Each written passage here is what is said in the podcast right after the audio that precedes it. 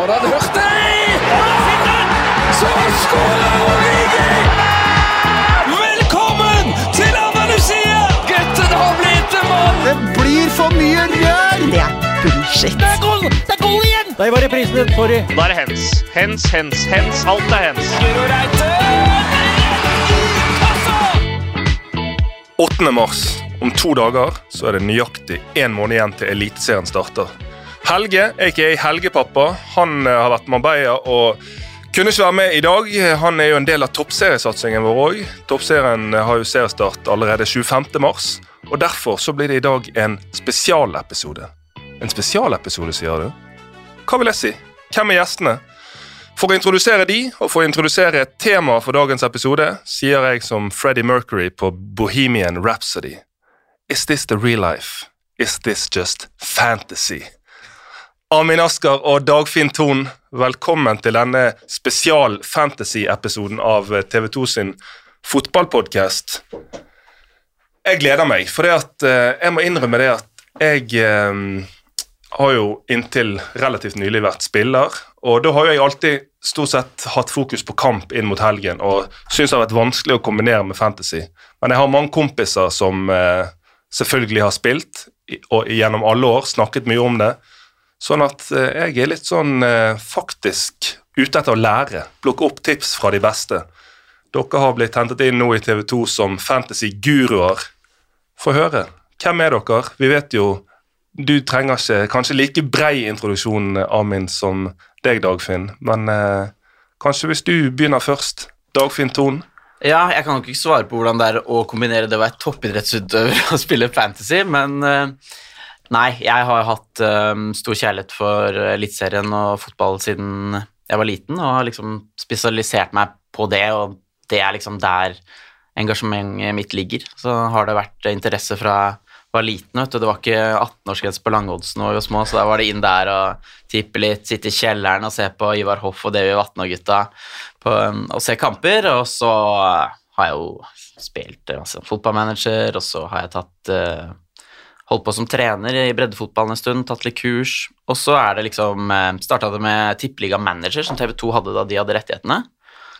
Klokka inn en klokke med femteplass. Oh, ja, ja, ja. Så det begynte allerede der. Husker du hvilket år du ja, nei, det ble vanskelig. 2014 kanskje, eller noe der. Um, ja, så har jeg skrevet litt artikler og vært litt sånn um, uh, Jobba gratis som journalist på noen eliteseriekamper og hatt eliteseriepodkast og YouTube-kanal og litt forskjellig. Og bare dura på og gjort, og vært uh, Ja, gjort det bra da, i Eliteserien Fantasy til nå. Og uh, veldig glad for at jeg får mulighet til å være med og altså bidra med til å liksom skape ah, Jeg er så engasjert, jeg, har, jeg er så gira, så jeg er, liksom, jeg er glad å kunne holde på med dette her, fordi det er uh, Eliteserien er helt nydelig, og det å ha noen lokale helter man kan se opp til, som man faktisk kan treffe og prate med, som Mm. er nært, det er veldig kult. Og da, da tenkte jeg skulle nevne én ting, er jo at um, du spilte jo i Stabæk, og uh, da kom jo Janne Jønsson tilbake for en andre periode. Uh, Og like etter at han var ferdig, så tok jo Eirik Kjønn over. Så var jeg så på en trening, og så skulle jeg bare gå til parkeringsplassen. Møter, Amin, eh, møter Yao Amankoa, så går vi bare og prater litt. Ja, forteller om alt mulig om hvordan det har vært, og hvordan det blir framover, og vi har troa, og bla, bla, bla. Og det får du ikke andre steder enn i Eliteserien og i norsk fotball, altså. Det, det får du ikke i England eller Champions League. Du får knapt sett dem, liksom. Du får omtrent ikke sagt hei. Så ja, det er jo helt nydelig, er det ikke det? Jeg syns det er helt nydelig at det er sånn det funker i Norge. Nei, det er helt konge. Jeg blir jo eh, Jeg blir nesten rørt. eh, Og så sier du nevner YouTuben din. Mm. Du har hatt en YouTube som het Fantasyhjørnet. Ja, den starta jeg i fjor. Um, dessverre så var det sånn at Discovery uh, Ja, hva skal jeg si pent? De tok det litt rolig med eliteseriesatsinga i fjor, da. Mm. Uh, og da var det på en måte et vakuum der med at de uh, Det var så vidt de klarte å holde den fancy podkasten i gang. Den ble lagt ned til sommeren. Så jeg følte jo at det var veldig mye engasjement blant folket, både for Eliteserien og for fancy, men det var liksom ikke nok innhold. Og så var det liksom bare Jeg syns det er så gøy uansett å utfordre meg sjøl med å lage ting, og, eh, og fikk god tilbakemelding på det, så da kjørte jeg på med en, eh, en podkast. Planen var egentlig å ha en sånn veldig kort podkast på sånn fem-ti minutter. Det bare var litt kort analyse, smack, smack, smack. Men eh, da, da, spesielt da den FK Fancy ble lagt ned, så var det liksom ikke så mange podkaster som hadde liksom litt ordentlig langt og bra innhold, så da Folket ville ha eliteserie fantasy-podcasting. Jeg fikk inntrykk Det ble godt tatt imot, i hvert fall. Og hadde, til, til å være eliteserie-fantasy så hadde bra, bra seertall. Altså rundt sånn 3-4% av de som spilte spillet, så på det, da, hvis man ser sånn Det syns jeg er ganske bra. Ja, ja. Og du spilte inn dette alene på bare det helt enkle forhold? ja, gjesterom slash treningsrom. eh, så da var det bare å Ja, nei, det var sikkert en tredemølle i bakgrunnen der, og ja, kjøpte meg en mikrofon og sånn der ekstra lys, og så var det bare å kjøre på og lære seg Lære mens man går. Ja. Og du satt der helt alene Ja. eh, veldig lenge. Du hadde med noen gjester eh, på slutten, men Mm. eh, nå slipper du å jobbe alene. Ja. For du har med deg ingen hvem som helst. Du har med deg en legende i norsk fotballsammenheng. Amin Asker, velkommen. Tusen takk for det. Hyggelig å være her. Hva, jeg tror mange kjenner deg som spiller, selvfølgelig, men jeg tror ikke nødvendigvis eh, så mange, noen gjør nok det, men så mange kjenner deg som en fantasy-guru. Fortell om eh, din, eh, ditt fantasy-liv, din fantasy-interesse. Min fantasyinteresse starta vel i eh, Ja, ordentlig var det vel i 2011, Fredrikstad-garderoben. Da hadde vi mange spilleglade gutter på mange måter, og det var fantastisk gjeng vi hadde her. Så det var en gjeng med Jørgen Horn, Mads Hansen, Joakim Jønsson, og så hadde vi sånn Etsas Hussein og Ruud Tvete var slash alltid sånn sammen. Så det var egentlig der det starta. Og så har det bare bygd seg opp etter hvert, og jeg dro til Brann året etter. Da ble det ofte at jeg eh, Folk var interessert, i mitt lag, da. Da hadde jeg meg ofte selv som kaptein og litt sånne ting, da. Så da fikk jeg eh, en del meldinger på godt og vondt, men heldigvis mest på godt.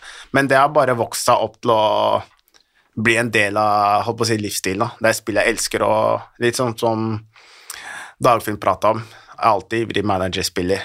C-manager.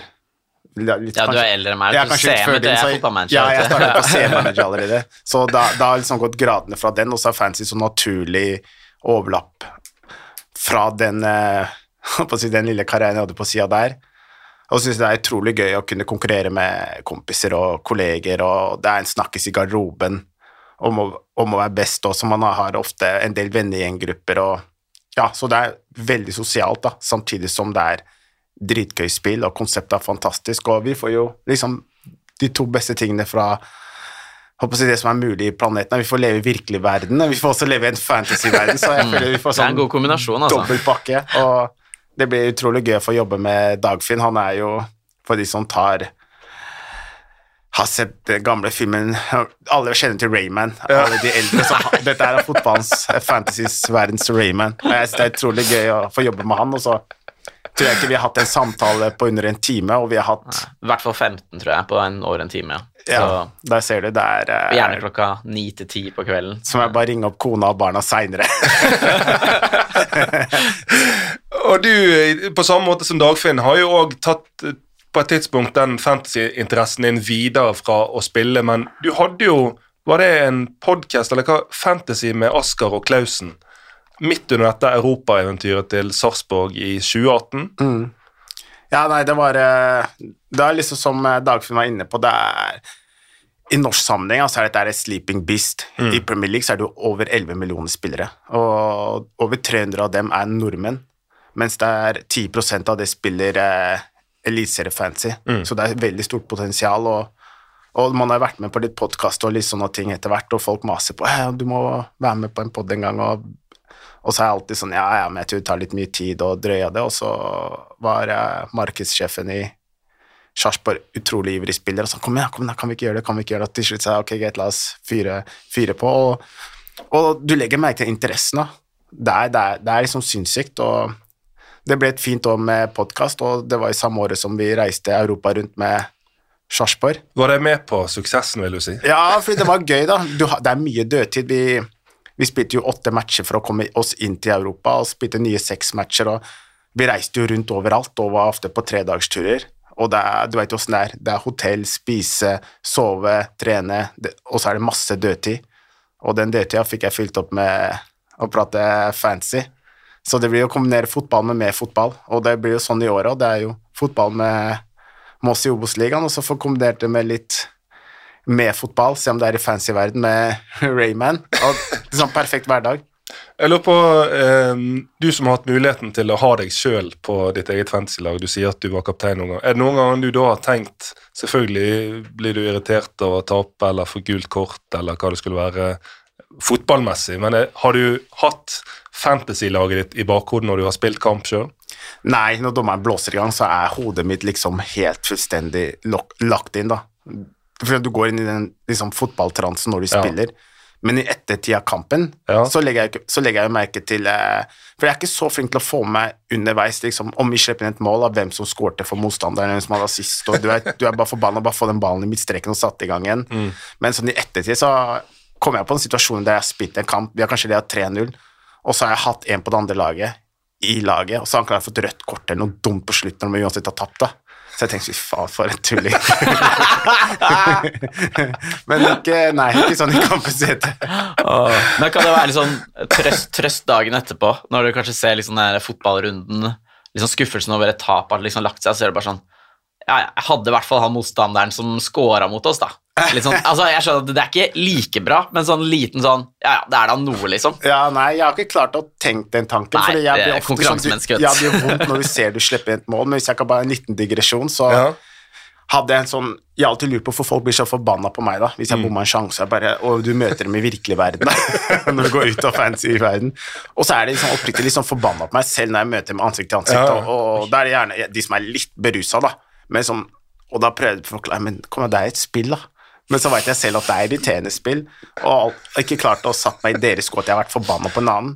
Men vi var i Marbella i 2017, 2018, 2017 Nei, 2019, ja. Så er det litt vondt i ankelen, så jeg går på dere Du vet på Marbella-senteret der den, den, Ved siden av gymmen så er det basseng inni den der eh, Riktig. kjelleren. Så er jeg der og iser ned så vond anke, jeg er sånn irritert og forbanna. Og så har jeg en som har gnagd meg ordentlig på Premier League-laget mitt. Og så mens jeg sitter der iser, så kommer en fyr ved siden av meg, og da er det masse isplater i vannet, og spør meg er vannet kaldt. Jeg tenkte ja, selvfølgelig er det kaldt, det er jo isplater her. Og så, ja, og så svarte jeg bare hyggelig ja, ja, det er veldig kaldt her.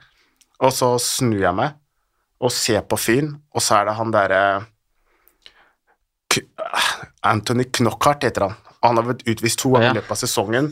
Og han, har, Lester, ja, ja. han der som er på Brighton. Ja, ja. Og han har vært så gnagsår på laget mitt hele år, og når jeg ser at det er han, så kjenner jeg hele kroppen min har lyst til å bare dra til pip. Men jeg bare beit i meg det, og så bare reiste jeg opp og gikk ut, og jeg var ordentlig forbanna. Og da tenkte jeg wow, det er sikkert sånn folk føler seg når de ser meg iblant. Og da kjente jeg meg inn i oi, nå skal jeg begynne å passe meg for de som er ordentlig forbanna på Skal du ta meg. ydmykt bare Jeg forstår, jeg forstår at du er sint. Ja, altså. fra, jeg tenkte fra den dagen skal jeg Ok, sorry, jeg skal gjøre bedre neste runde. Bare fortsett å ha meg på laget. Fantastisk. Nå er dere eh, en del av TV 2 sin dekning av norsk fotball og spesifikt fantasy. Da må jeg bare spørre, Hvordan er det TV 2 skal dekke fantasy? Hvordan skal dere dekke det? Ah, det blir eh, på mange fronter og mye innhold. Eh, vi har da Eliterådet, som skal lage podkaster på mandager. Da er de tre gutta fra Fantasyrådet som tidligere lagde FPL-innhold. de er interessert i norsk fotball og er supergira på å komme i gang, og har allerede lagd noe. Så det blir en sånn fast uh, podkast som kommer ganske tidlig i uka etter runden. Som se litt på både hvordan runden var, eh, og neste runde, og hva de tenker kan være spillere de kan ta inn. Ja, og De har eh, første episode tror jeg denne uken. her. Yes. Ja. Ja. Så der kommer det ting, og så skal jeg og Amin skal lage en Eller det blir flere podkaster før songstart der vi går gjennom lagdel for lagdel. Så begynner vi liksom med keeper og spør ok, er det noen av de dyrekeeperne vi syns er interessante. Ok, nei, og så går vi nedover. Så vi gjør det. Går går gjennom forsvar, ok, er det noen av de dyreforsvarerne Er det noen av de aller billigste som faktisk spiller for lagene sine? Og så kan man da sitte på PC-en og høre på. Det er i hvert fall det jeg gjorde da andre lag gjorde det. Sitte liksom, ja, Dytter det inn på laget mitt og ser hvordan ser det ut. Nei, faen, det får jeg ikke råd til. Ok, tar den ut igjen, og så flytter jeg. Ok, jeg bytter på midtbanen. Og så kan man sitte med det samtidig, da. Ja, det er bra du sier, for det, vi har fått et spørsmål fra Eller på din Du uh, repostet um, den eh, posten til fotballpodkasten om at dere skulle være gjester på en fantasy spesial. Og da spør eh, Emil Fernando Værås kommer det egne episoder for hver enkelt lagdel hvor det går gjennom alle spillere og tanker rundt de, om de er aktuelle eller ikke. Å yes, det kan jeg love deg. Så det skal jeg og Amin gå Ja, vi skal se hvor, eh, hvor dypt vi skal gå i det, men vi skal i hvert fall ta opp det viktigste og gi folk på en måte en uh, god smakebit, så de kan ha noen knagger å henge valgene sine på. Og så vil det jo komme innhold jevnt og trutt før sesongstart, både fancy-innhold, men også vanlig eliteserieinnhold fra TV2, så folk kommer litt inn i det. Eh, så det har vi vært litt opptatt av at eh, det har jo vært et bra antall eliteserien fantasy-spillere før, litt sånn 60 000-70 000, gikk litt ned i fjor. Uh, antakeligvis fordi Discovery trappa ned veldig mye av sin satsing. Eh, mens nå er det jo ordentlig blest om norsk fotball igjen. Du har gode prestasjoner i Europa. Du har to verdensstjerner på landslaget. Du har Brann som rykker opp, som har så mye engasjement i seg. Um, så det er liksom det er liksom den perfekte timingen, og jeg tror folk egentlig har higa etter mer eliteserie og, og eliteserie fantasy-innhold lenge, egentlig. Og mer skal de få, for dere skal òg ha en sånn eh, live-greie, livesending på appen hver uke. Ja, vi tenkte å få breaka last news s- runden starter, og jeg, bare når vi begynner å prate nå, kjenner jeg jeg blir sinnssykt ivra, for jeg prater om åssen vi skal gjøre det. Men det er den der at det ikke blir vakuumet fra vår siste pod til eh, kampstart. liksom. Ja, hvis det skulle skje noe skader Ja, eller Ja, så det er tre dager uten innhold, liksom. Ja, det det blir siste oppdatering, da. Når vi, ja, vi selvfølgelig vi bruker litt vårt kontaktnettverk, man må lese litt aviser og sånne ting, og prøve å få liksom folket med, da. Og så kan vi prate med dem live underveis, Ja. så at vi klarer liksom holde det gående hele uka. Og det er det jeg har savna, og jeg syns det er jo sinnssykt gøy, da, å få med Dagfinn og TV 2 på dette her, og vi har prata mye om vi skal klare å holde det gående hele uka, at ikke du bare setter opp et lag tidlig i uka etter en podkast, og så bare venter du til kickoff på lørdag. Og for de som eh, var inne på eh, TV2-appen under VM, så var det jo den eh, VM-portalen med en egen knapp som du kunne ja, komme inn i VM-portalen, VM-universet. På samme måte så vil det jo gjennom sesongen i appen være en fantasy-knapp som tar deg inn i fantasy-portalen der dere er herskere i det universet. Men um, for meg som uh, er litt fantasy, som nevnt i introen, litt fantasy-amatør.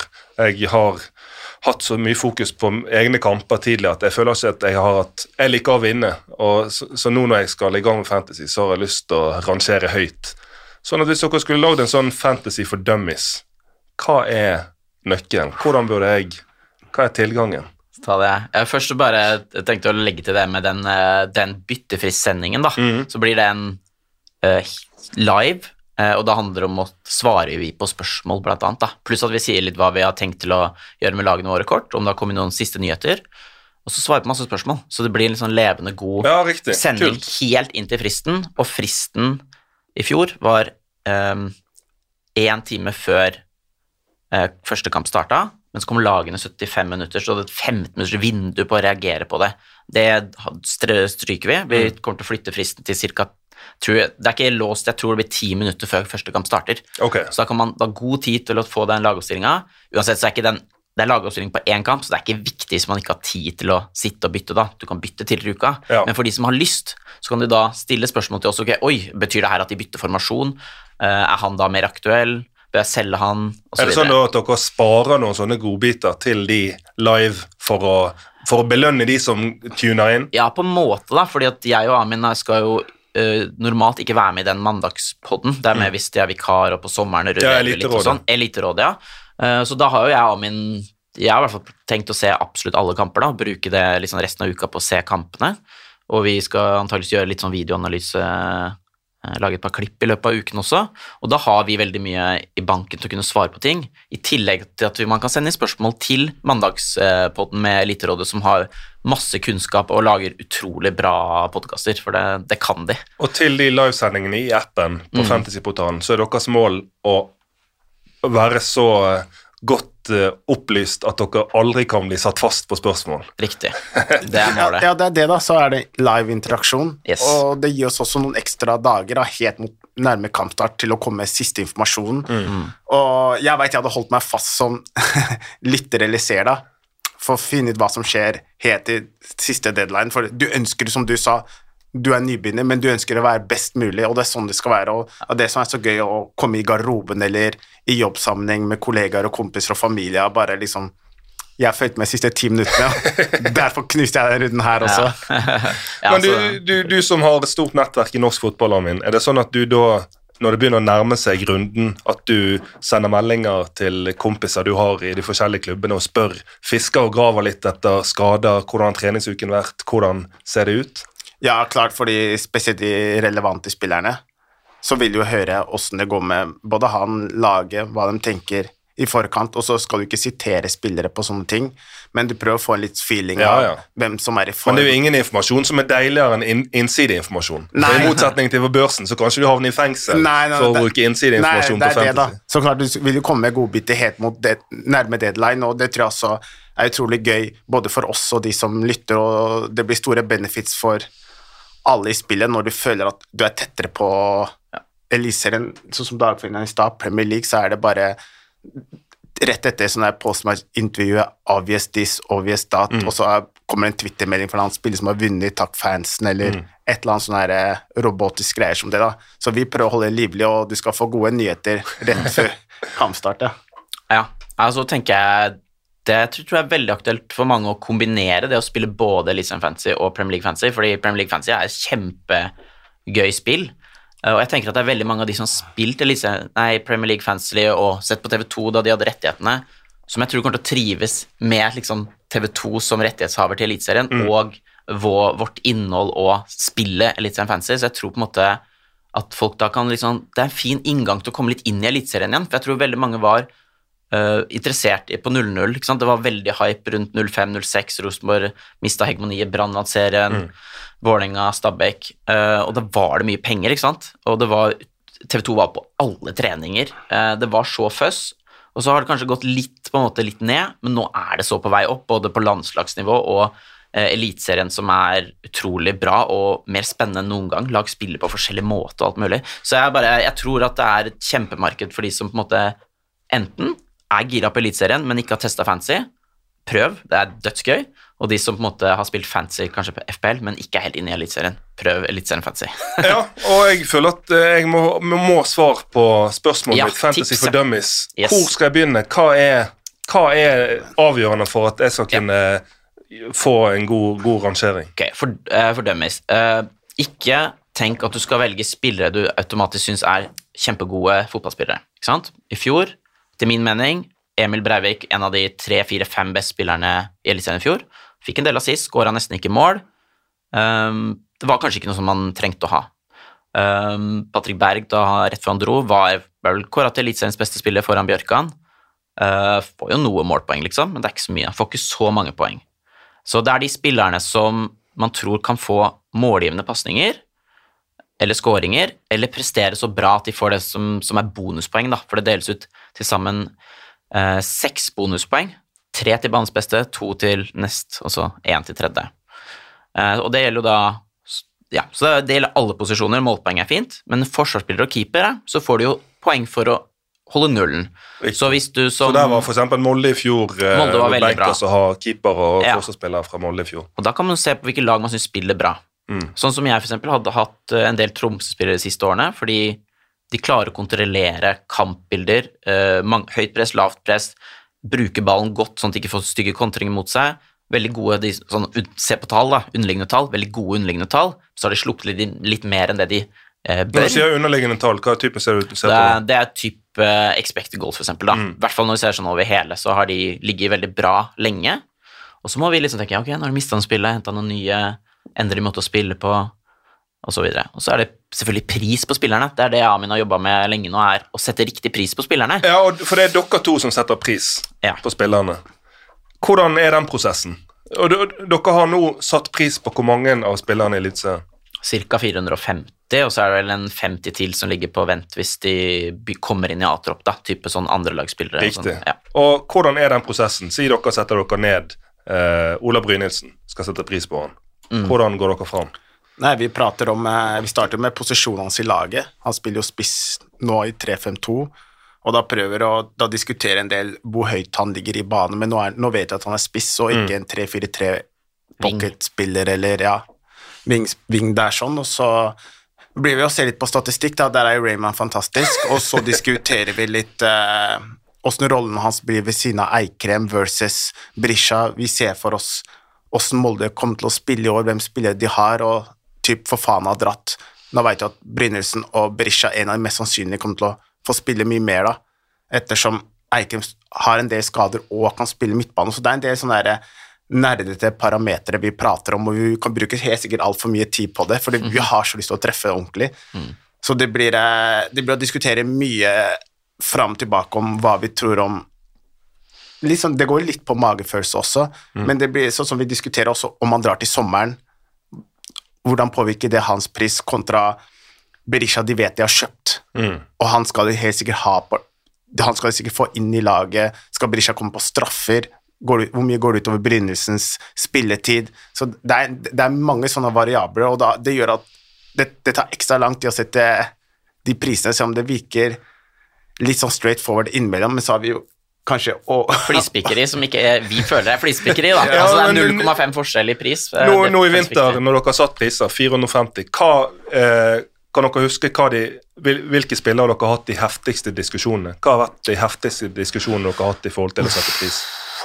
Uh, kanskje Bård Finne er jo i miksen der, i hvert fall. fordi da har du det med nyopprykka lag. Uh, spilte både kant og spiss i fjor. Hadde veldig mye sånn komme inn, spilte 13 minutter, starta spilte 60, og så rykker de opp. Så har vi sett masse treningskamper. Vi har prata med folk i Brann, vi har prata med folk som følger Brann, vi har sett kamper sjøl. Så der er en diskusjon der uh, jeg på en måte har, og Amin egentlig har hatt veldig Vi har veldig troa.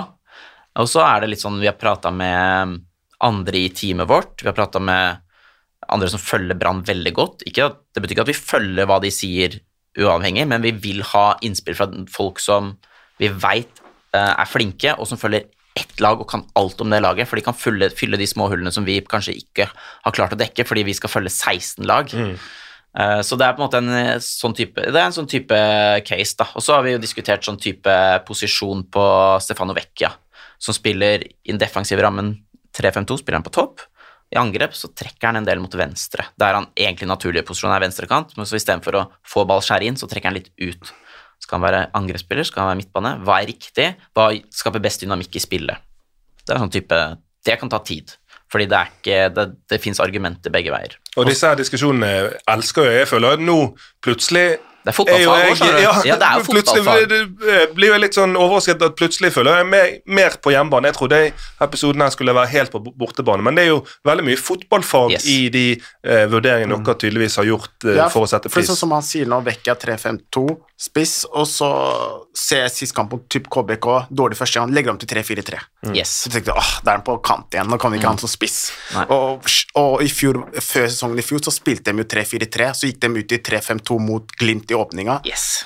og da ble det plutselig 3-5-2-lag, og hadde vi satt han som midtbane, så hadde vi bomma, fordi av en eller annen grunn så starta dem 3-5-2 i serieåpninga, så gikk det bra, så hadde han vært spiss resten av året. Så det blir derfor vi ser på en del treningskamper. da. Vi Så alle disse treffe- tingene regner dere inn i prisen? Ja, ja, vi Ja, ja. priser inn alt sammen. Alt er med i, i den biten der. Så det er jo, det er jo litt samme med, med Molde, da, med Eikrem, som de har primærformasjon 3-5-2, men de testa mot Sandefjord 3-4-3. Eikrem, litt sånn som i startsesongen i fjor, falsk nier slash tier, to spisser.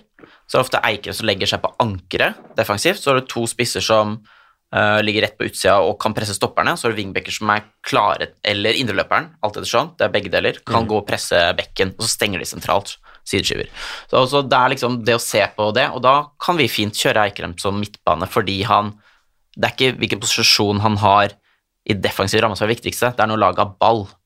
Og for det at Tanken er da at da får dere han inn på midtbanen, Yes. men dere vet at dere òg får mye målpoeng? Ja. Og man får ett poeng ekstra hvis man scorer mål som midtbane kontra angrep. Ah, Man får enda et poeng ekstra hvis man scorer mål som forsvarsspiller. ok. Yes. Så, Så får du litt mer premie. Så blir det å diskutere Sånn at for, bare for Jeg prøver å sitte og resonnere som den fantasy-nooben, amatøren jeg er. Sånn at for eksempel din eh, Dere spilte vel sammen en periode i KBK, Kristoff Sykke. Ja, Han eh, er jo på sitt beste veldig målfa målfarlig forsvarsspiller, så han kan være en attraktiv eh, et attraktivt stoppealternativ for Tromsø, gitt at han, eh, om han da etter hvert kommer seg inn i laget, det er jo en egen diskusjon. ja han har vært klink på laget der, men det er jo det, da. Hvis han scorer og de slipper inn lite mål, så er han gull verdt. Og det var vel i 2018-2017 da han drev og skårte utrolig masse mål. Sju-åtte mål eller noe sånt, nesten. Og da var det jo Så det er liksom sånn fantasy-drømmespiller Ja, ja, på mange Ja, parametere. men han har ikke vært like farlig etter Nei, det. han har så det er derfor vi liksom vi ser på både uh, Da har vi prata med liksom hvem er det dere sikter på på dødball. Mm. Uh, hvordan ser underliggende tallene hans ut? Hva er de faktiske tallene? Eh, har mista litt uh, med alderen osv.? Så, videre? så, så, det er liksom med i beregningen, da. Sånn type som f.eks. Brekalo, da. Som, han er per nå farligere på dødball enn Psyké, f.eks. Han skårer hver tiende, hver niende kamp, og de underliggende tallene gjennom hele karrieren hans backer opp at dette her er antageligvis en langvarig trend, ikke noe som er én sesong, og så slutter han å være farlig på dødball. Da er det med i prisen. Bruker dere uh, eh, Eller sånn Hva er det dere bruker for å se på statistikk og har Y-Scout-bruker, Ja. som vi går gjennom og titter på alt av spillere og klipp og posisjonering og sånn. Og så er det andre steder for å sjekke tall, men eh, både jeg og Amin har jo den inngangen at vi har lyst til å bruke øynene våre, fordi vi, vi ser jo på hverandre, ser på oss sjøl som på en måte fotballfolk. Han trener et eh, lag ved siden av i Moss, jeg har trent mange lag og føler liksom jeg har kombinasjon av trenerøyne, eliteseriefanøyne og liksom det derre tall-fantasy-øyne. Så kombinasjonen det ender opp med liksom mitt sluttprodukt, da. Så vi, er, vi har prioritert å se mange kamper. Og eh, dere har jo nå begynt på eh, Twitter. Brukeren, for de som lurer på det, hvor er det eh, Hva er det eh, fantasy brukeren på Twitter til Altså den dere bruker heter? Ja, den heter at TV2 Norge Fantasy. Du kan bare søke TV2 Fantasy, så finner man den. Og det er hashtag 2fantasy. Hashtag 2fantasy er den som vi bruker. Um, og så er det vel 2FX fortsatt, vel, som er Eliteserien generelt prat, når, Ja. når det på en måte er ting som er relevant for uh, også sånn når vi liksom viser en Hvis vi viser en bildeanalyse av hvordan Eikrem opererer, så er det relevant utenfor fantasy, på Mm. Ja, en måte. Ja. Skjønner. Men her Eh, driver vi og drypper priser. Vi har sluppet tre priser allerede, så, Ja, og vi skal slippe gjennom. priser etterpå her i denne episoden. Ja, ta oss eh, litt gjennom de prisene dere har uh, teaset og sluppet så langt. Ja, Den første var vel Veton Berisha. Så da gikk vi, vi gikk ut på en av de mest omtalte spillerne i Norge, som er både elsket og hatet. Um, Og der så det var mye reaksjoner. Yes. Mange som mente han var for dyr. Og mange mente han var for billig. Ja. På samme måte som eh, mange mente han var for dyr, hva skal du si, på, overgangsmarkedet. Yes. Ja, Hva har vi tenkt her, øh, Ja, Amin? man gjør sine vurderinger, og grunnen til at han ikke kosta mer Han, han kunne ha kosta mer er hvis vi hadde visst at han var på straffer, men der er det jo Eikrem, du har Siv Mannsverk som har tatt de fleste straffene. Vi tror det er over 50% sjanse for at han tar straffer, så det er på en måte inne, inne, i- inne i prisen, da, som er nå 12,0, da, siden hvis vi ikke sa det. 12,0. Jeg bare lurte på eh, prisene underveis. De justerer dere.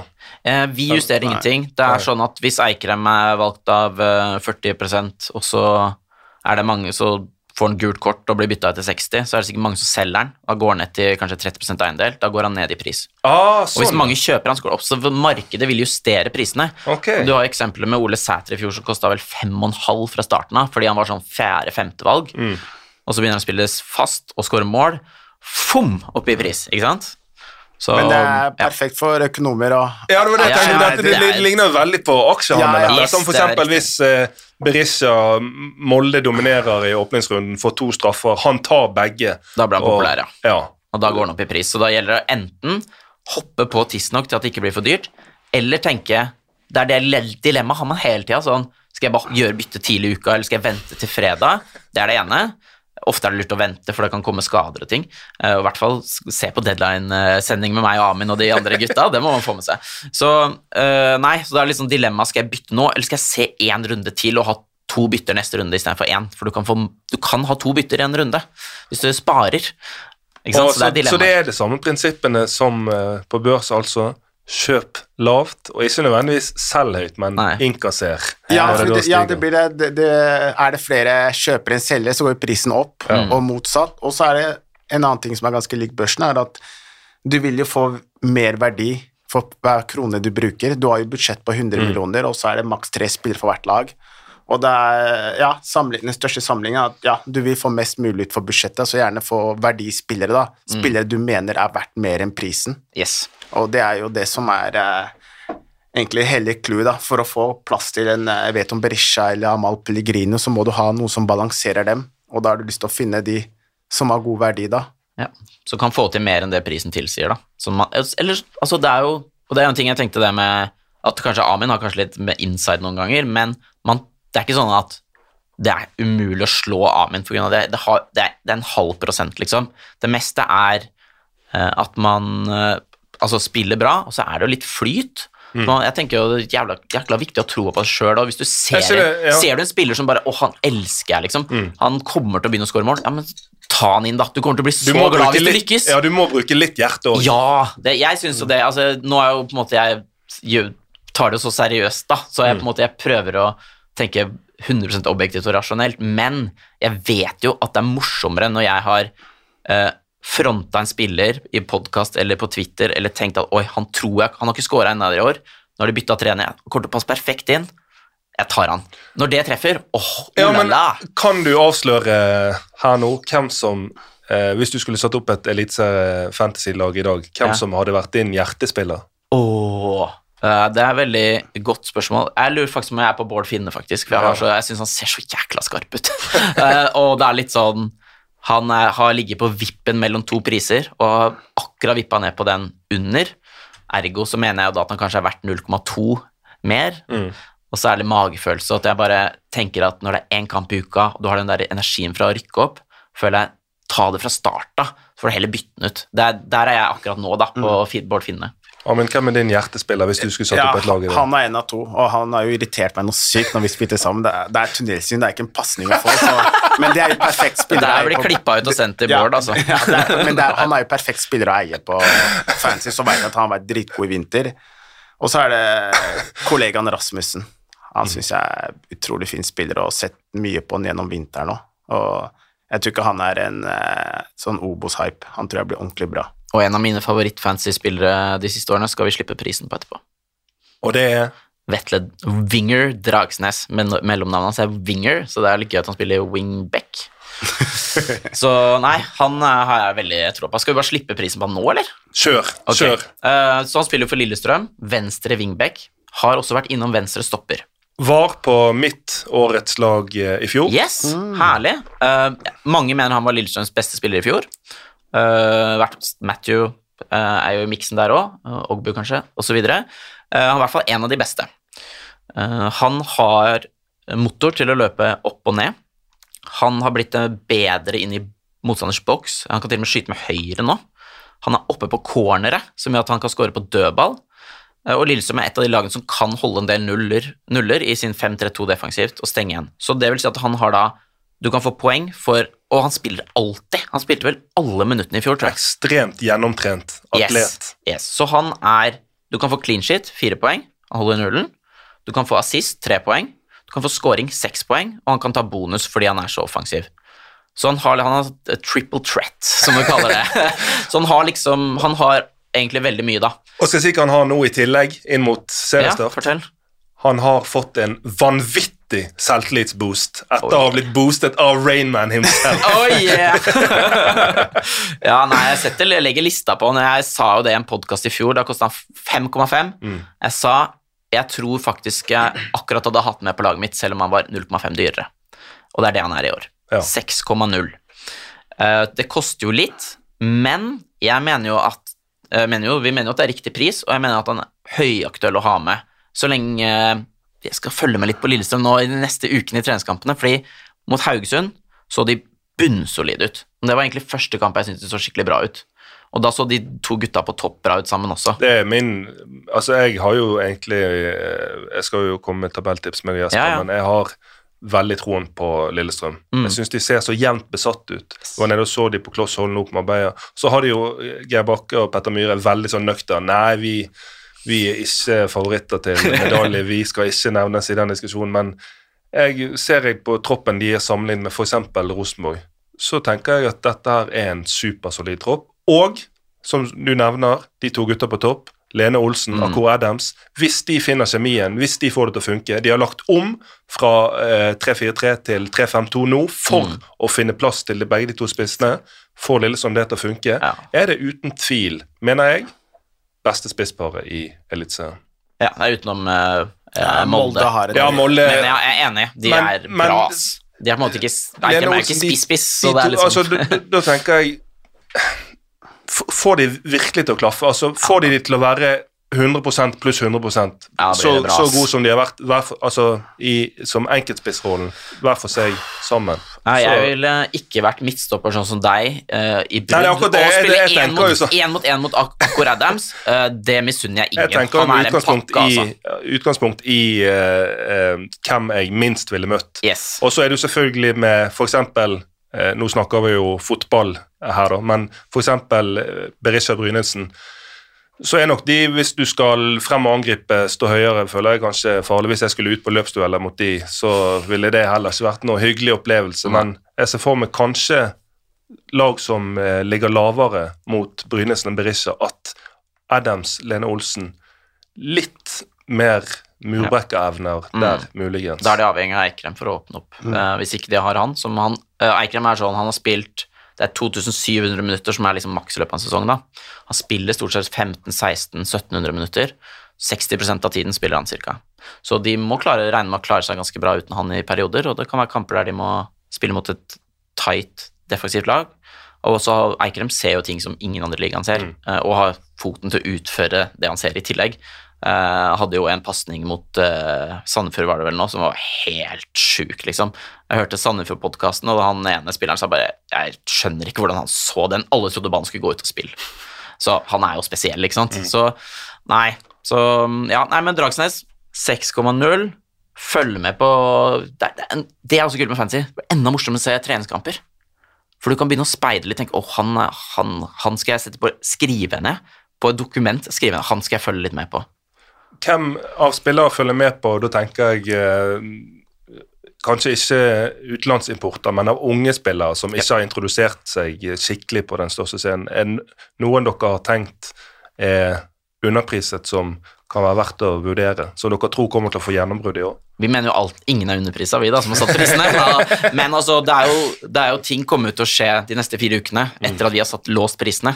Signeringer, bytte Ja. formasjon, så kan du gjøre noe. Men Og eh, i, i den, sånn ja, sett er det fortsatt ganske Noe som har tidlig. potensial der det, til å merker bli jeg for, mer. det merker jeg òg i forhold til å sette tabelltips. Det er, Mm. eh, I og med at overgangsvinduet er åpent, og det er fortsatt noen uker igjen, så er det sånn som nå når Viking server- eh, signerer Salvesen, så i forhold til tabelltips, for eksempel, så føler jeg at det, sånne typer signeringer kan være med på å Ja, endre bildet. ja, helt klart det påvirker. Og hvis jeg skulle satt en underprisa, hvis du kalte det underprisa, med en som kan eksplodere, som jeg tenker som er ung og norsk, er eh, Jeg føler ikke helt han har fått det gjennombruddet ordentlig, for jeg syns han er ordentlig god spiller, han er, har god, gode dager. Det er Odin Tiago Holt. Yes. Mm. Nå spiller han spilt en del i sekseren, da, men jeg, I jeg, fjor, ja. jeg skjønte sånn at han ikke kom til å gjøre det i år, som han har gjort i preseason og gjorde det når vi møtte dem også. Men jeg tror hvis han får en klink høyre indreløper eller venstre Men jeg tror venstre indreløper bør da sikkert på høyre, til 6,5, tror jeg Nå roper jeg ja, pris. nå jeg. roper du pris. Se der. Oi, oi, oi. Du, du snakker ikke med bare meg nå, vet du. Nei, men jeg tror han er- 6,5! Odin Tiago Yes. Løp og kjøp! Løp og kjøp. Ja, Nei, nei, men jeg, han er tror- jo jeg, jeg tror hvis han, ja, som han sier, han er klassespiller, og jeg tror hvis han Kjempe. får det til å funke og danseskoa på, så tror jeg han kommer til å smelle en del langskudd og vinne en del hjerter, og jeg tror han kan bli en ordentlig attraksjon. Jeg lurer på, Hvordan tenker dere rundt prising av en spiller som Edvin Austbø i Ja, Viking? En som vi var nede på Marbella, snakket med Slatko, snakket med flere. En som mange trekker fram. Han her kommer til å eksplodere. Hvordan eh, vurderer dere prisingen av en sånn type spiller? Ja, for han er jo en spiller som vi har lagt merke til. Han har vært god, kanskje best på venstre kant, men hallo, Tripic spiller der så lenge han er skadefri. Nå har de henta Salvesen, så det er Kabran plutselig høy, aktuell på høyrekant, Sandberg aktuell på høyrekant, uh, og så er det enda en som jeg ikke kommer på akkurat nå. Uh, ikke sant? Så de har veldig mange som kan spille i den uh, Sander Sander Svendsen, ja, ja. ja. Men akkurat nå så har han vært så god at jeg tror han fort starter. Så vi har prisa han som at Vi har prisa han som at han skal spille, for vi priser ingen til en pris der vi, du kommer til å spille benk uansett, for da hadde du vært ikke spille, da hadde det vært null. Vi må prise sånn at hvis du begynner å spille Men da må vi også legger ikke dere inn litt Jo. oppside for de som tør å ta sjansen? jo, jo, det er jo litt oppside, for hvis han begynner å spille to kamper på rad, så er jo ikke han en som du kan være sikker på spiller i neste fem. Og det legger vi inn i prisen.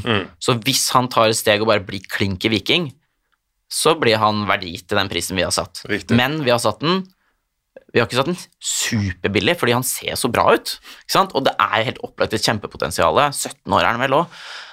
kan, så det er liksom det vi, har, det vi ser på. Da. Så det er, treningskampene har vært veldig nyttige når det gjelder han, da. fordi han hadde vært uh, sikkert 0,5 billigere hvis ikke vi hadde sett de kampene. Det er dette som er største fallgruven med fancy, syns jeg. Det er når man har en utrolig billig spiller som blir ordentlig god, sånn som August Ha- Mikkelsen. Ja, vi hadde Krepin Diatta en del år tilbake, så blir en Eliteseriens beste spiller. Og så har du Håkon Evjen før det, Erling Braut Haaland, og så August Mikkelsen. Du har en periode til med Gulliksen. Gulliksen, Drev og dunka skåringer, og det er sånn Nilsen Tangen i Viking. du har tre Og som da- var på det billigste Og da blir det veldig inflasjon i spillet. All, Alle har mulighet til å ha ganske like lag. Du får spille ned på fem, fem og en halv seter i fjor, som er like god som åtte-ni millioner spillere. Og det påvirker spillet og dynamikken sinnssykt. Og det er derfor vi har brukt så mye tid på å se på kamper, ringt folk i Men er ikke nettopp disse spillerne du har lyst til å treffe, da? Jo, jo, jo, men de er fortsatt aktuelle å ha. Ja, de er aktuelle De skal å ha. ikke være men de Men de skal ikke være riktig, Ja, fordi ja. at det blir så Altså, det blir så Ødelegger spillet, ikke, Ja. ødelegger ikke spillet, det er for mye å ta i, men det, setter, det endrer premissene for resten av runden. veldig- Penger blir liksom, i budsjettet blir liksom ikke en faktor i samme grad. Så vi har gjort research på de ungguttene som på en måte har vært med og trent bare i, i vinter og spilt i vinter og ikke vært med før. Så har vi sjekka alle tallene fra akademi og G19 og andre lag, eller eh, hvis de er henta fra lavere divisjoner, og prate med folk enten i eller tett på klubbene. Finne ut hvordan type det er, og sett kampene, og så priser vi dem til en pris der de ikke er altfor billig, men der de fortsatt kommer til å være veldig attraktive hvis de begynner å spille mye. Det er der Det er det er viktig er. å bruke tid inn mot klubbene. For jeg husker Jonas Berg han irriterte seg fordi han, Håkon Evjen hadde spilt en del under preseason. Og hadde en eller annen slått, eh, eh, ringt meg og spurt om Krepin Diatta, jeg glem det. Han skal ikke koste fem, fem og en halv. Nei, han må- Bare sett den opp på åtte eller noe. Han er kommet til å, så fort han får to-tre kamper fra start nå, så kommer han til å fly av gårde. Vi ser det på trening med en gang. Men det er, det er den researchen du må gjøre altså, for at ikke du skal bomme. For Så spillet skal bli så bra som Jeg hører at det blir vanskelig, det blir vanskelig for spillerne å finne noen blind spots på prissettingen. Men det dukker alltid opp nå, ja. Det gjør jo det. gjør altså det. Og så er det liksom har, Jeg føler vi har priset sånn at det, nest, at det er veldig få som er helt uaktuelle, og det er veldig få som er sånn Du må ha den til Mm. den prisen. Og det gjør at det blir mange forskjellige lag. At du kan gå med du kan gå med den spilleren du har tro på, og så er ikke det nødvendigvis mye bedre eller dårligere enn annen. Det er åpneste bare at det er fantasy-sesongen forskjellig. noensinne. Eh, Nei, altså vi skal ikke se, altså Vi føler vi har gjort en god jobb, da, så får vi se liksom når vi altså Vi kommer sikkert til å tenke liksom Det er alltid noen spillere der vi sitter om to måneder og bare sånn Var det noe vi kunne ha plukka opp før vi måtte låse prisene, eller ikke? Altså, Men tilbake igjen, Ja. altså et, et eh, spørsmål som både er fantasy-nybegynner og et fotballfaglig spørsmål. For det, at, som det man gjerne vinner aller mest på av en sesong, er vel også kanskje satse tungt på det du tror blir et overraskelseslag.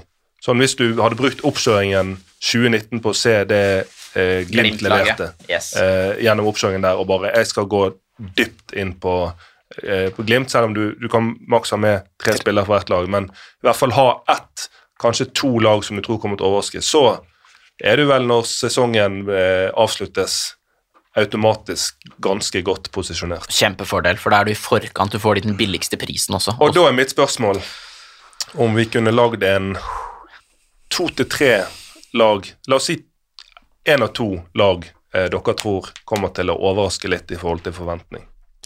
Ja, jeg kan godt begynne der. Jeg hadde jo akkurat den der eh, formelen du hadde, den du sa nå. Jeg, jeg kjørte jo trippel eh, Glimt med salt, salt, fagmann. Yes. ja, ja, med Saltnes Vetlesen og, Ikke det året, og Pelle. i fjor, ja. Ja, i fjor. Ja, ok. Og da var det rett opp på topp ti, og, og det var ingen som hadde den trippelen. Ingen hadde det. Så Ja. jeg, jeg har en trippel jeg er ganske sikker på jeg kommer til å kjøre nå fra start. Da, om serien hadde startet da, så hadde det vært eh, Selv om vi har skrudd opp prisene litt der. Ja, ja. Ja. Okay. Så jeg ser for meg Det er en liten slash der. Ja. Castro, det er en liten slash Felix Horn Myhre, Mm. men Rasmussen og Bård Finne. Ja, det brannlaget her, jeg elsker brannlaget her. Ja, det gjør jeg jo. Men dere er jo veldig inhabile, ikke sant? for dere har spilt i Brann. ja. Så jeg kan si de ser helt de, ser, de minner meg om Bodø-Glimt i 2019. Enig. Eh, Enig. da de kasta De solgte Bjørnbakk og fikk inn eh, Lode. Superkjapp. De blir, bedre, de blir bedre i frispilling, og de kan stå Der er Seri Larsen, er deres lode. Og, om man skal snakke liksom eh, over Eller eh, beste signeringer, topp tre beste signeringer Topp tre Eller signeringer som blir avgjørende, mest avgjørende for sitt lag, ser jeg Seri Larsen inn på en sånn liste. Ruben Gabrielsen Ja, også. også eh, Mm, Ruben Gabrielsen. Men de når vi nå var inne på, på på Brann og på Seri Larsen De Kjempeviktig. mulighetene han gir de eh, til å spille sånn som Hornland ønsker å spille, tror jeg er en nøkkel Og i tillegg, når jeg snakker med folk i Bodø-Glimt, Ja. eh, så hyller de han. Han var veldig uheldig med skade, han var veldig uheldig med den hodeskaden. Eh, men, men at Brann klarte å sikre seg han tilbake igjen, en spiller de kjente fra før, Ja. fantastisk Han passer arbeid perfekt inn. Jimmy Nagel. Eh, passer perfekt inn. Brann vil presse høyt hele tida. De har et utrolig godt høyt presspill, og gjenvinningsspillet deres er helt Du hører hornene bare 'press, press', ikke sant? Du hører det hele tida. Men han er perfekt til å stå høyt, fordi han kan forsvare et stort bakrom med farta si. Eh, han er god, kan bryte foran og er offensiv, for han er kvikk og rask i hodet. Eh, og så er han god med ballen i beina. Mm. og da får du dominert kamper. Eh, så det er litt det Marius Lode eh, var med å gjøre for Glimt da de flytta presspillet sitt 20-15 meter høyere i banen. Der er Brann akkurat nå. Sier ikke at de blir like gode, eller at de, de er jo ikke der som der, men de, det er faktisk det er en del likhetstrekk, altså. Og jeg tror det at lag i Norge, mange lag, kommer til å slite med å spille seg ut, da. Nå, skal jeg bare så kampen mot uh, Jeg så Lillesund mot Haugesund, for eksempel. Eh, Haugesund i cupen nå, det, hvis den matta er ok, uff, de kommer til å få problemer mot Brann, altså. Steinproblemer. Jeg blir ikke overrasket om de vinner to-tre mål, altså. Det er der det ligger nå. Og det, jeg møtte jo dine gamle venner i Sarpsborg, Armin, når jeg skulle ned til Marbella og de skulle hjem. Da hadde jo de møtt Brann 3-3, Mm. men så møtte de ja, kampen. Jeg hadde jo sett kampen. Og, men de, det er ikke ofte at fotballspillere er såpass ærlige, spesielt nå som jeg jobber i media, men de sa bare Altså, greit det ble uavgjort, men fy faen, Brann var god. Det var, de var nesten litt sånn rystet. Ja. Fy faen, de var gode. Det, det var som de var to og tre spillere mer enn oss på banen. Og det, det altså Den opplevelsen jeg møtte de, det de sa, tar jeg med meg. For det, det er sjelden som sagt at du hører fotballspillere, i hvert fall når det er snakk om et Sarpsborg-lag som får en brukbar plassering i Eliteserien i fjor, og Brann som tross alt er nyopprykket, selv om de aldri egentlig var et O- Obos-lag. Å høre de snakke på den måten Det er vanskelig å ikke ha troen på Brann inn mot sesongen. Nei, jeg så den matchen, og da var eh, Brann fantastisk, og 3-3 er klart det er flatterende at ikke de vant og, sånt, men liksom, ting er å klare å gjøre høytpresset i Marbella på de gressbanene som er litt mindre, men sånn som kampen vi så sist nå på Intility, ordentlig stor bane, brei, masse rom, det er, det er kunstgress, selv der klarer de å presse høyt. Selv om Vålerenga får til en spillvending her og der, så faller de ikke ned i ramma. De opprettholder høytpresset og fortsetter og fortsetter og fortsetter til de vinner ballen, og så bare Og så har de, maler dem når de over. vinner ballen, og eller når de frispiller bakfor, når de bygger opp Det ser hele veien ut som de har mange ruter til mål. Der andre lag blir eh, til tider ganske forutsigbare. Du vet at nei, dette, her, disse her de prøver å legge mye inn, eller her er det mye direkte i bakrom. Så føler jeg Brann egentlig, når de er i den formen de er i nå, kan spille på nesten alle strenger. De kan nå spillere i alle rom. Om det er i bakrom, om det er mellomrom, om det er backer som kommer blåsende på overlapp, om det er innspill fra en, fra en høy back inn til en eh, offensiv spiller som ligger i området rundt 16 meter. Nei, nei, de er utrolig fine, og spesielt på korridorene, som du sier. Der er det naturlig bare så lange innlegg, Mm. men de tripler med bekk, kant, indreløper der, og, og den trekanten der kommer de ofte inn i 16-meteren Og så med ja, frispiller. nettopp som stopper da, er det ekstremt vanskelig å forsvare hvis de har gode, gode nok kombinasjoner til å kunne spille ballen inn langs bakken bak en back, i rommet mellom back og stopper, angripe det, og da cutback, en chip på Yes. Yes. eller et hardt innlegg på første. Det er et mareritt. Et lite forbehold da, med tanke på å tenke tabellplassering, det er det ene at de har kjørt ganske toppa lag i treningskampene. Det har ikke alle gjort. Eh, og det er helt tydelig at de er veldig på, de legger veldig mye i treningskampene, fordi når du er nyopprykka, så har du, føler du at du har mer å bevise. Det andre er når det blir De spiller ekstremt energikrevende fotball. Eh, det, du kan sammenligne litt med ja, litt, litt sånn som Glimt var en periode, men la oss si litt sånn kloppfotball, da. At du presser så høyt at hvis det blir litt skader, to kamper i uka, og de mister 5-10% av energien i spillet Larsen, sitt, Heltene Nilsen skadet. da, ja, Heltene Nilsen, ja, ikke sant? da mener jeg at da er du et midt på tre-lag. Men hvis de slipper unna det, så er de kjempekandidater til tredje- og fjerdeplassen. Det mener jeg. Fordi det, det, dette her, det er en fin diskusjon. Det er en del lag som får skader, og så følger jeg opp, sier jeg, eh, da den spesielt fine reisen med Sarpsborg, da, og da var det 4-4-2, klink høyt press hele tida. Det som ofte er at du leder med ett og to mål før det har gått 20-25 minutter, og da blir det automatisk at kampen blir ikke så tung, du kommer Ja, liksom ja, på ja. cruisekontroll, og det føles som du har spilt en 70-minutterskamp istedenfor en 90-minutterskamp, og det er det jeg tror er fordelen for Glimt, de malt lag i hjel, og allerede til pause nærmest vinner kampen. Jeg tror det blir ofte sånn for Brann òg, og da får du skrudd litt av mentalt den der bryteren som gjør at du er nede i kjelleren hele tida, Ja, og det er sånn jeg ser for meg det kan, det kommer til å gå. Selv om de kan også bli utsatt for typisk som Leeds og sånn, alle bare blir skada, men det brannlaget her, jeg har aldri sett Brann så gode i de siste ja, mange årene. Skal vi Eh, slippe Brann-spilleren? Den slipp. siste Brann-spilleren, og det er en vi har debattert mye. Det er Felix Horn Myhre. Få høre diskusjonen. Oh, uh, han spiller jo venstre innløper, men det har vært mye bytting mellom han og Niklas Vassberg på spilletid. Eh, Fel- Felix Horn Myhre er regna som førstevalg per nå, men Vassberg skrev jo ny kontrakt. Han er et kjempetalent, og han skal ha minutter. Og de er, veldig forskjell- de er litt forskjellige spillere. Og Brann har press på seg i forhold til at de selger altfor lite spillere. Ja, han, han er er, den mest salgbare spilleren. Ja, betyr... Han er vel en de ønsker å øke verdien i for å kunne Yes. selge da for 40-50 millioner, eller hva det skulle være. Nettopp. Så her har jo faktisk spilletid kommet eh, inn i diskusjonen på pris, fordi Vassberg har prøvd seg litt på venstrekant i en kamp etter at uh, Kastrup er skada, men det er ikke helt der at det jeg tror kommer til å bli noe. Så han er på indreløperen. Rasmussen er en av deres beste spillere, han kommer til å spille, så den venstre løperen er veldig interessant. Og nå henta de også Ulrik Mathisen fra Lillestrøm. Da har du, han er en sånn, han er rask, han er hurtig, kan få frispark. eh, Han er sånn løper, direkte, han er en indre løper. Og så har du Felix Horn Myhre som på en måte er Han er også ganske direkte. Han er på en måte kanskje mer enn han var i Vålerenga. Og så har du Vassberg som er litt mer teknisk, finner de der kreative åpningene. Så Felix Holmyra er på en måte den som har størst sjanse få flest fanspoeng av de tre. Men eh, det ble jo mye Brann. Det blir jo litt sånn Ja, når de har vært så gode som de har vært. Men eh, et spørsmål her fra Marius, et holdt Marius på Twitter. Ja. Eh, Oskar Aga til RBK. Og, Ja.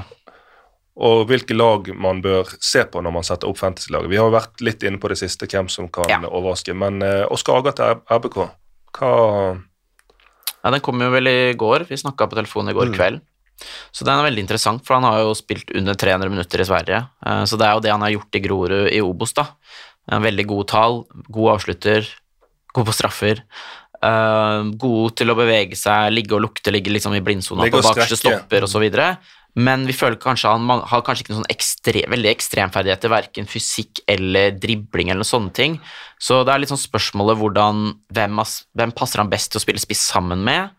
Eh, og etter min mening så er jo det Rosenborg mangler nå, er jo fart på topp, da, fordi de er ikke Rosenborg hadde under 50% ballbesittelse i fjor. De er ikke noe glad i å ha ballen på egen banehalvdel. De er ikke så opptatt av at de må spille seg til gode, gode situasjoner gjennom det. De tar den gjerne mer rett opp på spiss. Eh, ja, altså, nå overdriver jeg kanskje litt, da, men du skjønner hva jeg mener? Ja, ja. At uh, det de da får, er jo ofte bakrom, fordi de har ikke så mye ball. De er gode i lavt og halvlavt eh, press.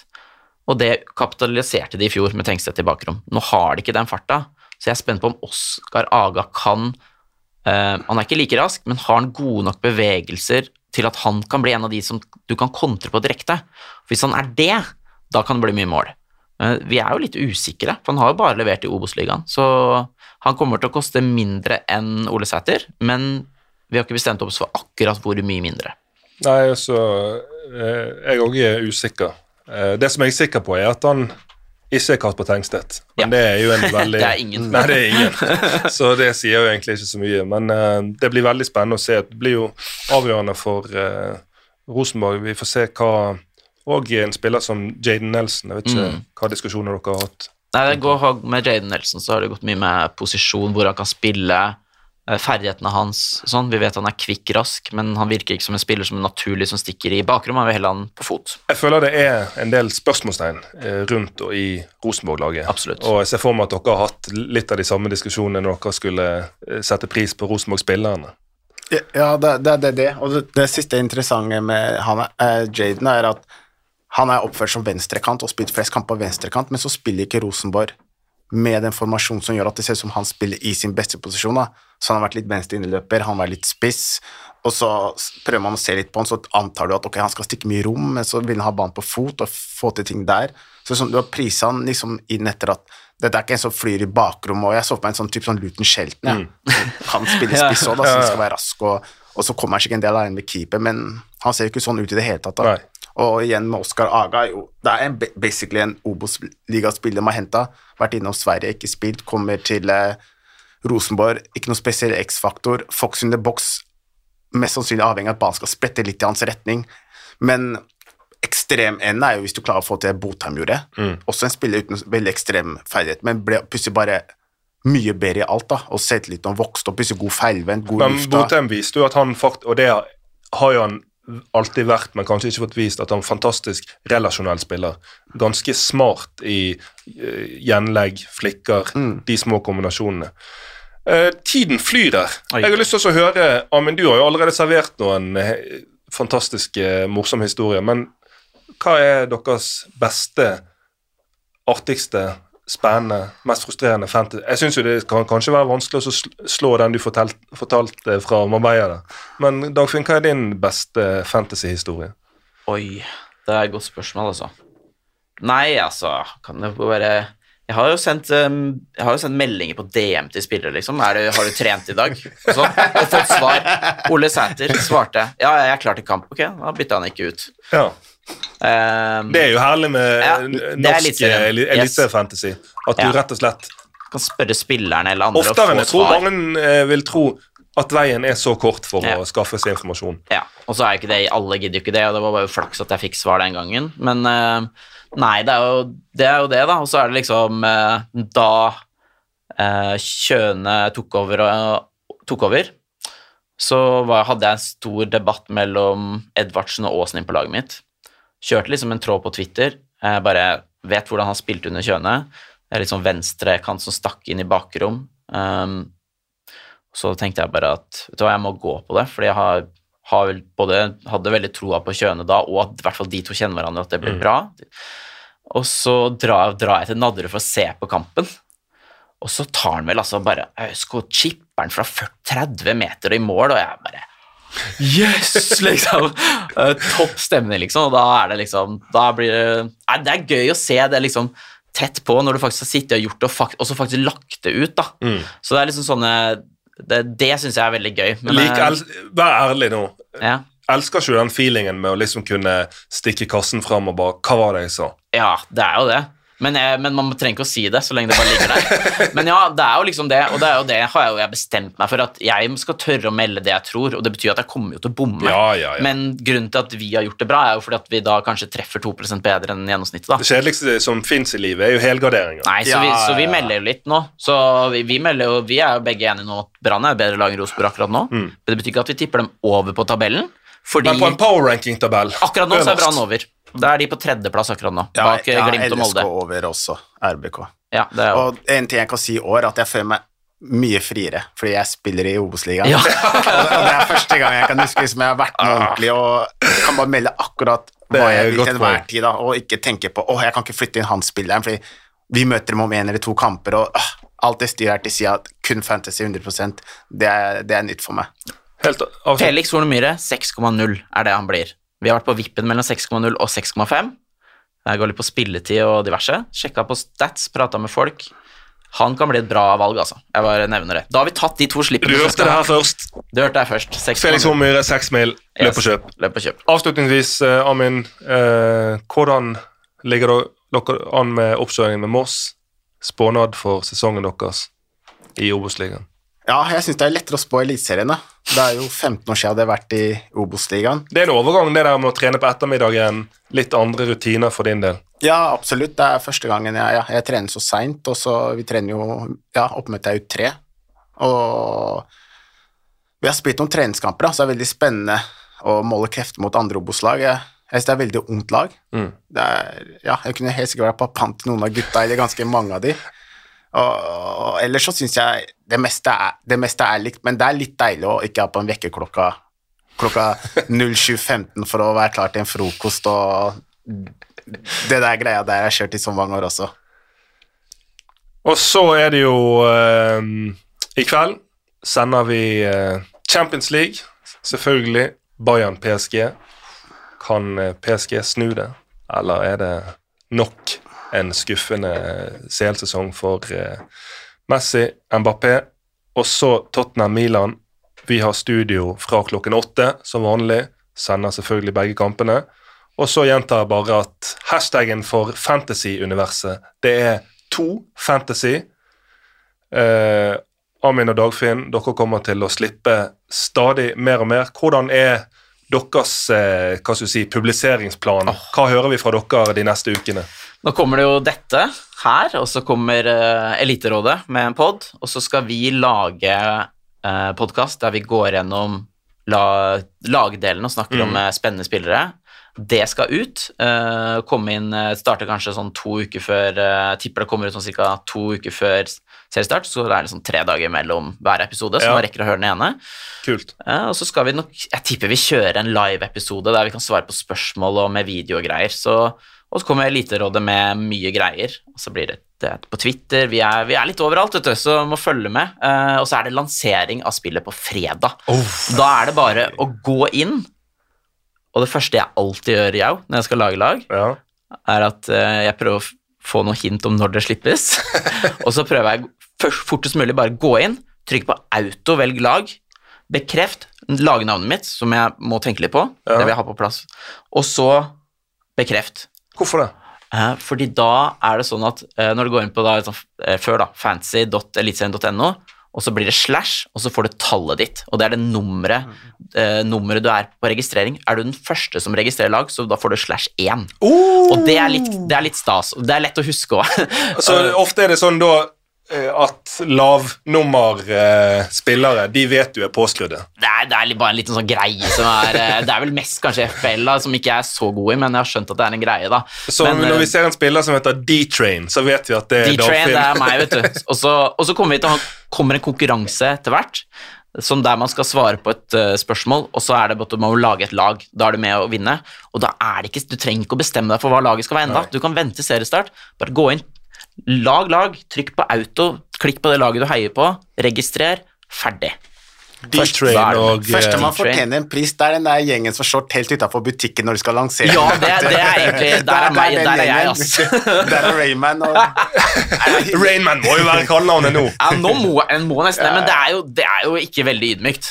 Nei, men det, Nei, men, eh, det, det- trenger du ikke Men det er han som fant på det, så det er Ja, jo ydmykt nok når ikke jeg sa det selv. Okay. Amin Asker, du kan være eh, Double Aces, Pocket Ace. Oh, yes. Pocket Ace, jeg har dårlig, mange dårlige minner med det, men når vi skal slowplaye Nei da. Ja, Vi må spille poker en dag, vi, Ja, altså. vi Ja, det må vi. Til deg som hørte på, tusen hjertelig takk. Vi håper jo selvfølgelig at du har lyst til å være med på dette fantasy-eventyret. Være med på denne fantasien. Yes. Og så eh, er Helgepappa tilbake igjen på jobb etter hvert. Vi vet at det òg er en eliteserie-podkast i emning. Så for deg som hører på, det er bare å følge med. Seriestarten nærmer seg. Vi er klar. Takk som var med. På den Hurtig! Så skårer Origi!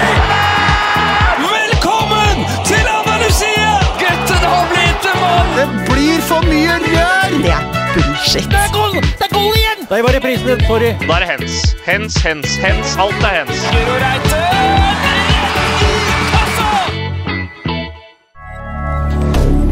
Moderne media.